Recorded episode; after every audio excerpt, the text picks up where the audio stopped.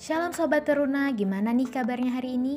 Semoga kita semua dalam kondisi yang baik ya. Kembali lagi dalam podcast harian Teruna dengan tema Hiduplah Rukun dan Damai.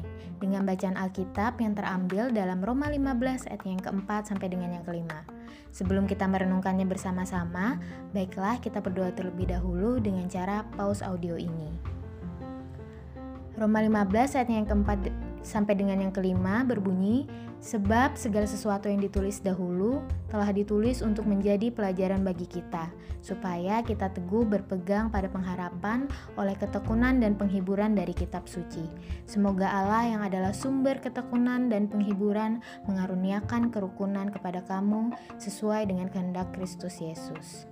Sobat Teruna, pada penggalan ayat yang baru saja kita dengarkan bersama-sama menceritakan pada saat Rasul Paulus sedang mendoakan agar Allah mengaruniakan kerukunan kepada jemaat di Roma.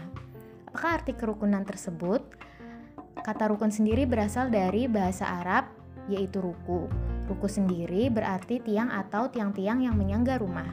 Kalau tiang-tiang penyangga tersebut tidak seimbang atau salah satu bagiannya keropos maupun rusak, maka pasti atap rumah itu akan roboh. Demikian pula persekutuan jemaat. Bila satu dengan yang lain tidak satu hati dan satu suara memuliakan Allah, maka persekutuan jemaat bisa mengalami perpecahan. Bila kasih yang ditunjukkan selama ini ternyata tidak tulus, kehilangan kesabaran, lalu masing-masing hanya mengutamakan kepentingan sendiri maupun kelompoknya, maka terjadilah keributan dan bukan kerukunan. Sobat Teruna, sebagai murid Yesus Kristus, kita dipanggil untuk menciptakan suasana rukun dengan siapa saja tanpa memandang suku, agama, budaya, dan lain sebagainya. Marilah menjaga kerukunan di mana pun kita berada, sebab ke sanalah berkat-berkat Tuhan akan dicurahkan. Demikian perenungan kita hari ini. Tuhan Yesus memberkati.